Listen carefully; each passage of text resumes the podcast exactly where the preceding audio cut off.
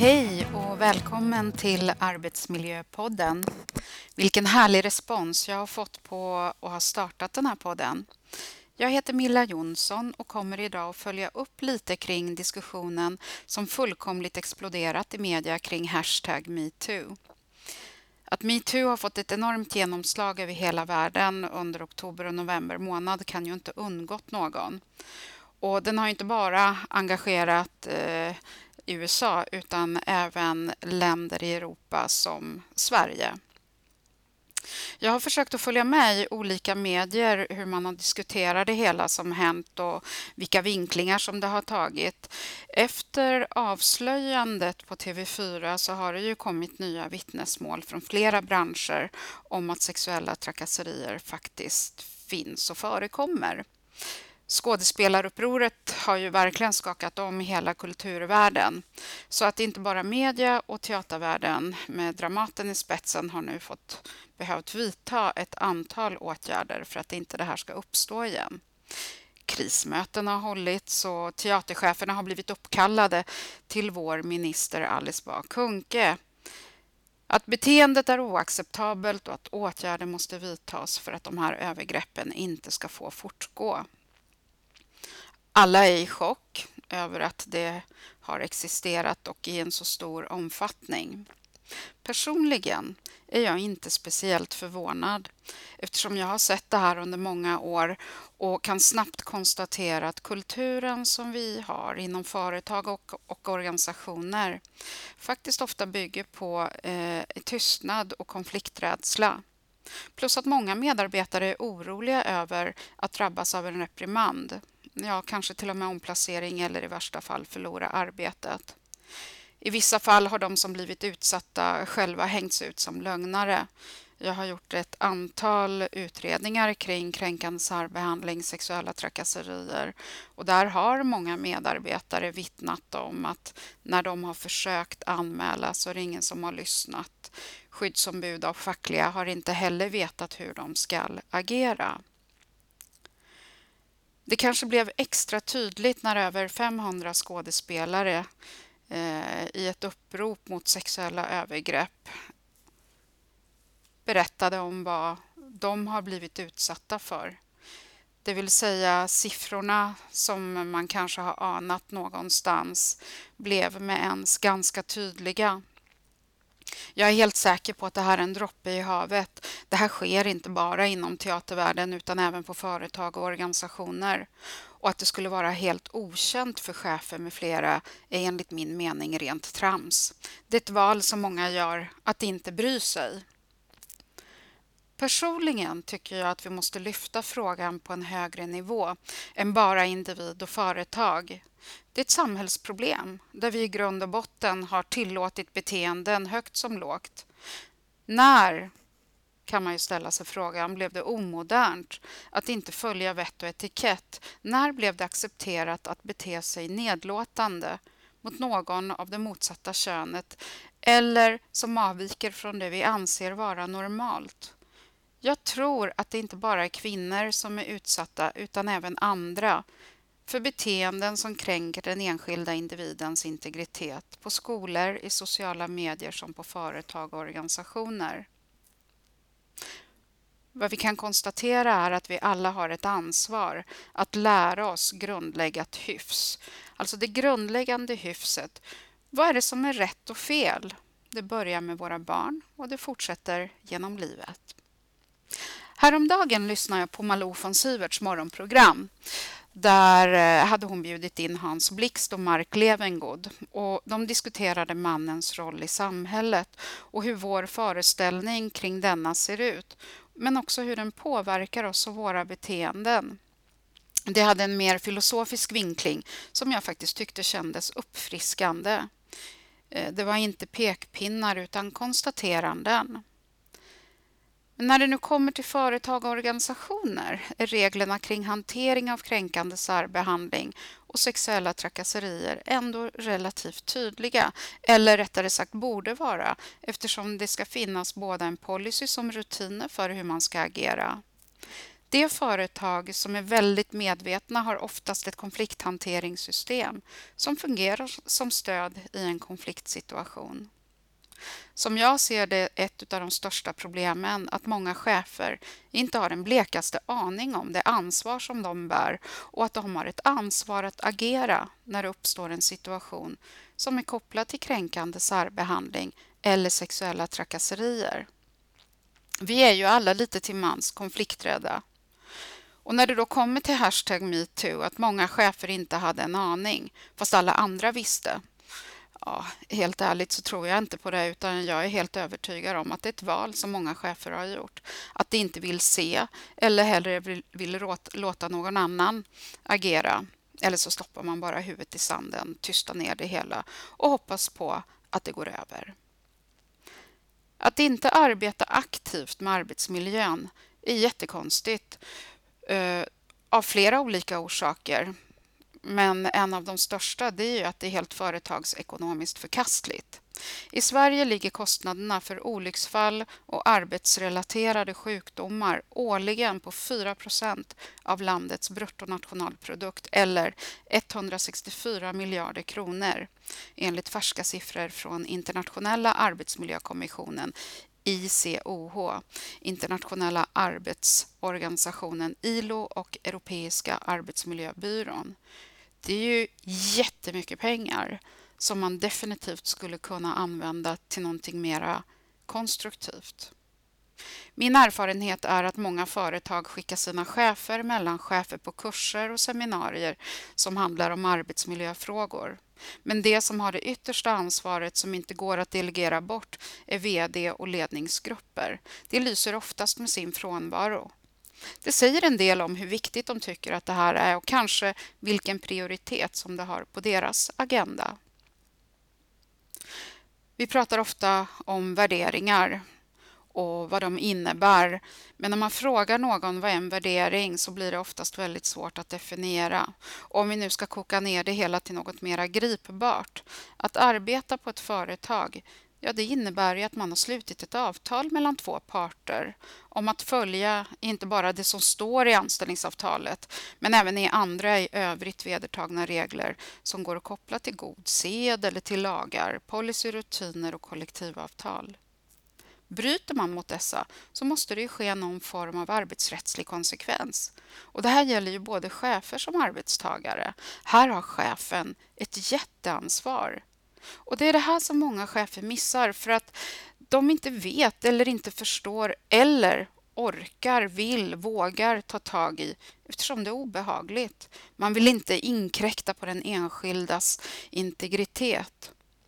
Å andra sidan, är man chef så har man en skyldighet att agera utifrån de lagar och regler som vi har. Att vara chef innebär att leda och fördela, inte att vara kompis med allt och alla. Och utifrån arbetsmiljölagen så har jag en skyldighet som chef att agera när det har uppstått ett arbetsmiljöproblem och definitivt om det är ett arbetsmiljöproblem som påverkar en enskild individ så att till och med övergår i ett brott. Självklart är det svåra frågor och jobbiga samtal. Fast om vi säger så här, att bli utsatt för kränkande särbehandling eller sexuella trakasserier, ja, men det ger ju ett långvarigt lidande och ibland bestående skador för de som blir utsatta. Det är värre än de samtal en chef måste ta. Att inte göra något från en chefs sida, eh, från min sida, att betrakta som ett rent tjänstefel. Vad är det då chefen ska göra? Ja, men jo, helt enkelt så är det att de inblandade ska få den hjälp som de kan behöva under tiden som en utredning görs. Och den som utsätter även blir medvetandegjord om vad som kommer att hända framöver eftersom konsekvensen kommer att bli av ett arbetsrättsligt slag. Så här ser man även hur ett ärende som egentligen hamnar under arbetsmiljölagen, exempelvis kränkande särbehandling, det står ju Eh, upptaget i AFSEN 2015 kolon 4. I slutänden kan bottna i ett LAS-ärende, lagen om anställningsskydd. Det är viktigt att påpeka att en utredning också ska göras av en extern part som har den juridiska kompetensen, för risken är ju annars att man hamnar i en jävsposition eller att man faktiskt inte har den juridiska kunskapen och börja tolka saker och ting utifrån sitt egna huvud. Man ska vara objektiv när man gör en utredning, inte subjektiv. Jag tänkte att vi ska gå igenom ett gammalt AD-fall som jag ändå tycker är ganska intressant i sammanhanget. Det är från 2014 och som just handlar om sexuella trakasserier. I det här fallet är det en kärlekskrank manlig kollega som har fått upp ögonen för en yngre kollega. Fråga om det funnits laga grund för att avskeda arbetstagaren, det vill säga mannen, eftersom det påstås att han ska ha utsatt sin kvinnliga kollega för ett oönskat närmande på arbetsplatsen genom att han bland annat vid tillfälle tagit tag i henne och kysst henne mot hennes vilja. Ja, vad ska arbetsgivaren tänka på att göra i en situation av det här slaget när det uppstår? AD-domen heter 2014 nummer 90 och vi kan kalla kvinnan för Sissi. Eh, hon arbetade på ett vårdboende som undersköterska och det är hennes första arbete. Hon har en timanställning och hon gillar både sina uppgifter som kollegor. Däremot så tycker hon att en äldre kollega, vi kan kalla honom, kalla honom för Martin, han är 33 år äldre, är hyfsat påfrestande eftersom han har visat intresse för henne trots hennes tydliga avvisanden. Och Det är viktigt just det här med det tydliga avvisandet. Det är inte okej. Okay. Jag är inte intresserad. Låt bli. Och även andra kollegor hade faktiskt uppfattat att han visade ett intresse för henne som inte var av det kollegiala slaget. Det är allt från kollegiala kramar till att sitta bredvid i soffan, trycka låret mot henne, lägga armen och låta handen glida ner mot hennes bakre regioner. Ja, ni förstår. Eh, då har hon ofta slagit bort hans hand, eller hon har slagit bort hans hand och uttryckt att hon inte accepterar beteendet. Hon har visat sitt totala ointresse och också sagt ifrån eller rest sig upp från soffan för att byta plats. Hon har också uttryckt att hon tycker att hans beteende är högst olämpligt med tanke på att hans fru jobbade på den här arbetsplatsen. Och det är ju rätt intressant beteende kan man ju då säga från den här mannens sida. En dag ropade Martin in Sissi till ett av konferensrummen och när hon kom in så gav han henne en kram och därefter frågade han om han får kyssa hennes äppelkinder som han tyckte var alldeles för söta. Hon hade med bestämdhet sagt ifrån men då hade han tagit tag om hennes ansikte, ni vet, tog tag i ansiktet med båda händerna och kysst henne mot hennes vilja. Och senare under dagen när han hade passerat henne hade han tagit tag i hennes arm och relativt hårt grepp förklarat att det som har hänt ska stanna mellan dem. Och det är ju klart att hon uppfattar det här som eh, ganska hotfullt eller till och med mycket hotfullt och funderade på vad hon skulle göra. Och efter en viss tvekan så berättade hon för en vän och därefter en kollega om vad som hade hänt. Båda uppmanade henne att tala med sin närmaste chef och också, också göra en polisanmälan. Ja, vad säger ni? Hur tror ni att en arbetsgivare ska agera i en sån här situation? Det är ju ett brott det som mannen faktiskt utsätter kvinnan för. Och spelar det någon roll om exempelvis förundersökningen läggs ner? Nej, faktiskt inte, utan här måste man förstå anställningsavtalets innebörd och arbetsgivarens skyldighet att agera så har avskedandet som faktiskt blev fallet varit lagligen grundat.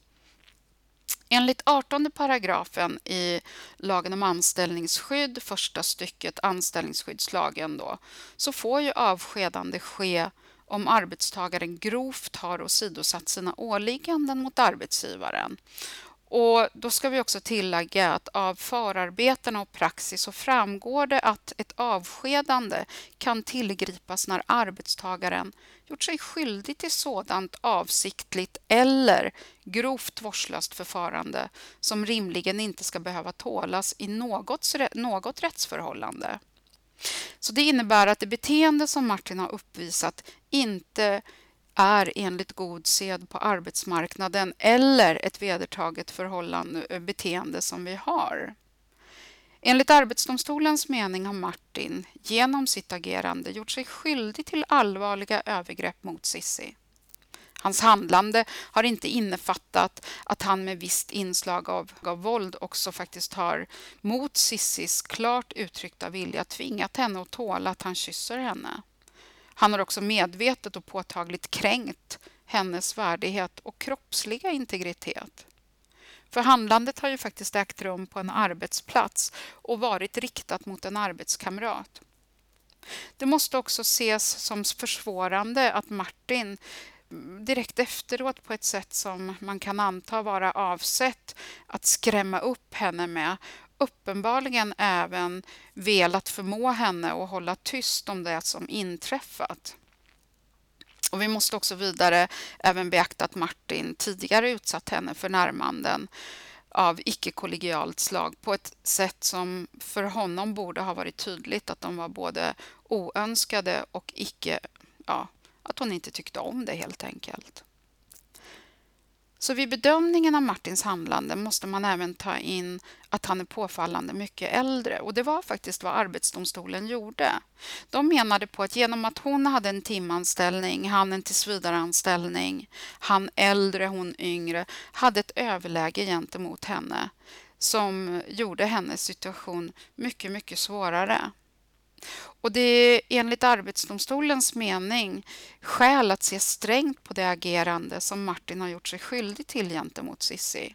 Och det är nu som det intressanta kommer. Martin har enligt Arbetsdomstolens bedömning genom sitt handlande grovt åsidosatt sina åligganden och åtaganden mot bolaget. Det vill säga, bolaget har därför haft rätt att genom avskedande skilja honom från hans anställning. Och Det innebär att han har åsidosatt alla de grundkrav som kommer via ett anställningsavtal. Att man ska vara lojal, man ska arbeta, man ska följa lagar, regler, policies, rutiner med mera, med mera. Bidra till en god arbetsmiljö. Så med anledning av det här har ju då Arbetsdomstolen funnit att Martins agerande den dagen och utifrån det som förekommit faktiskt har utgjort tillräckligt grund för avskedande. Så som arbetsgivare är det oerhört viktigt att förstå att när en situation av det här slaget uppstår måste man agera genom att exempelvis stänga av den som har gjort sig skyldig till att åsidosätta sina åtaganden.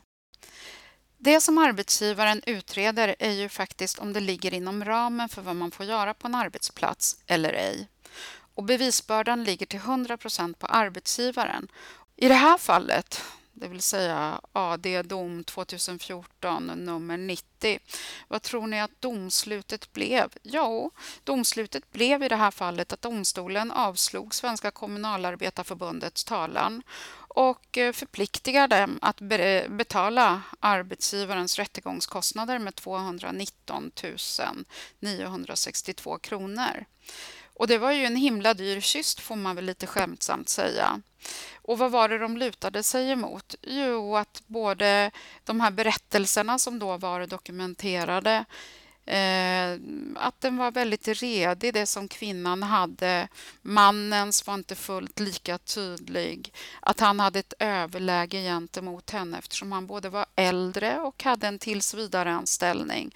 Att kollegor kunde vittna om att de hade sett att hans närmanden hade funnits, inte just den dagen, men då ansåg inte domstolen att just den delen var nödvändig. Så för er som tycker att det här är lite spännande eh, så skulle jag rekommendera er att läsa hur Arbetsdomstolen har resonerat. Eh, googla upp eh, Arbetsdom 2014 nummer 90 och se lite grann hur, hur de har tittat på hela frågeställningen. Ganska spännande faktiskt ja, det var väl allt för den här gången. Tack för att du lyssnade och gå gärna in på www.oakfieldconsulting.se om du vill kommentera eller om det är någonting specifikt du vill fråga om. Eller kanske något problem som du tycker att vi ska ta upp här i podden. Nästa gång så hoppas jag på att få presentera en gäst som eh, kommer att berätta om ja, en viktig fråga kring eh, bland annat rehab. Så vi håller tummarna för det och tills nästa gång, ha det så bra. Hej då!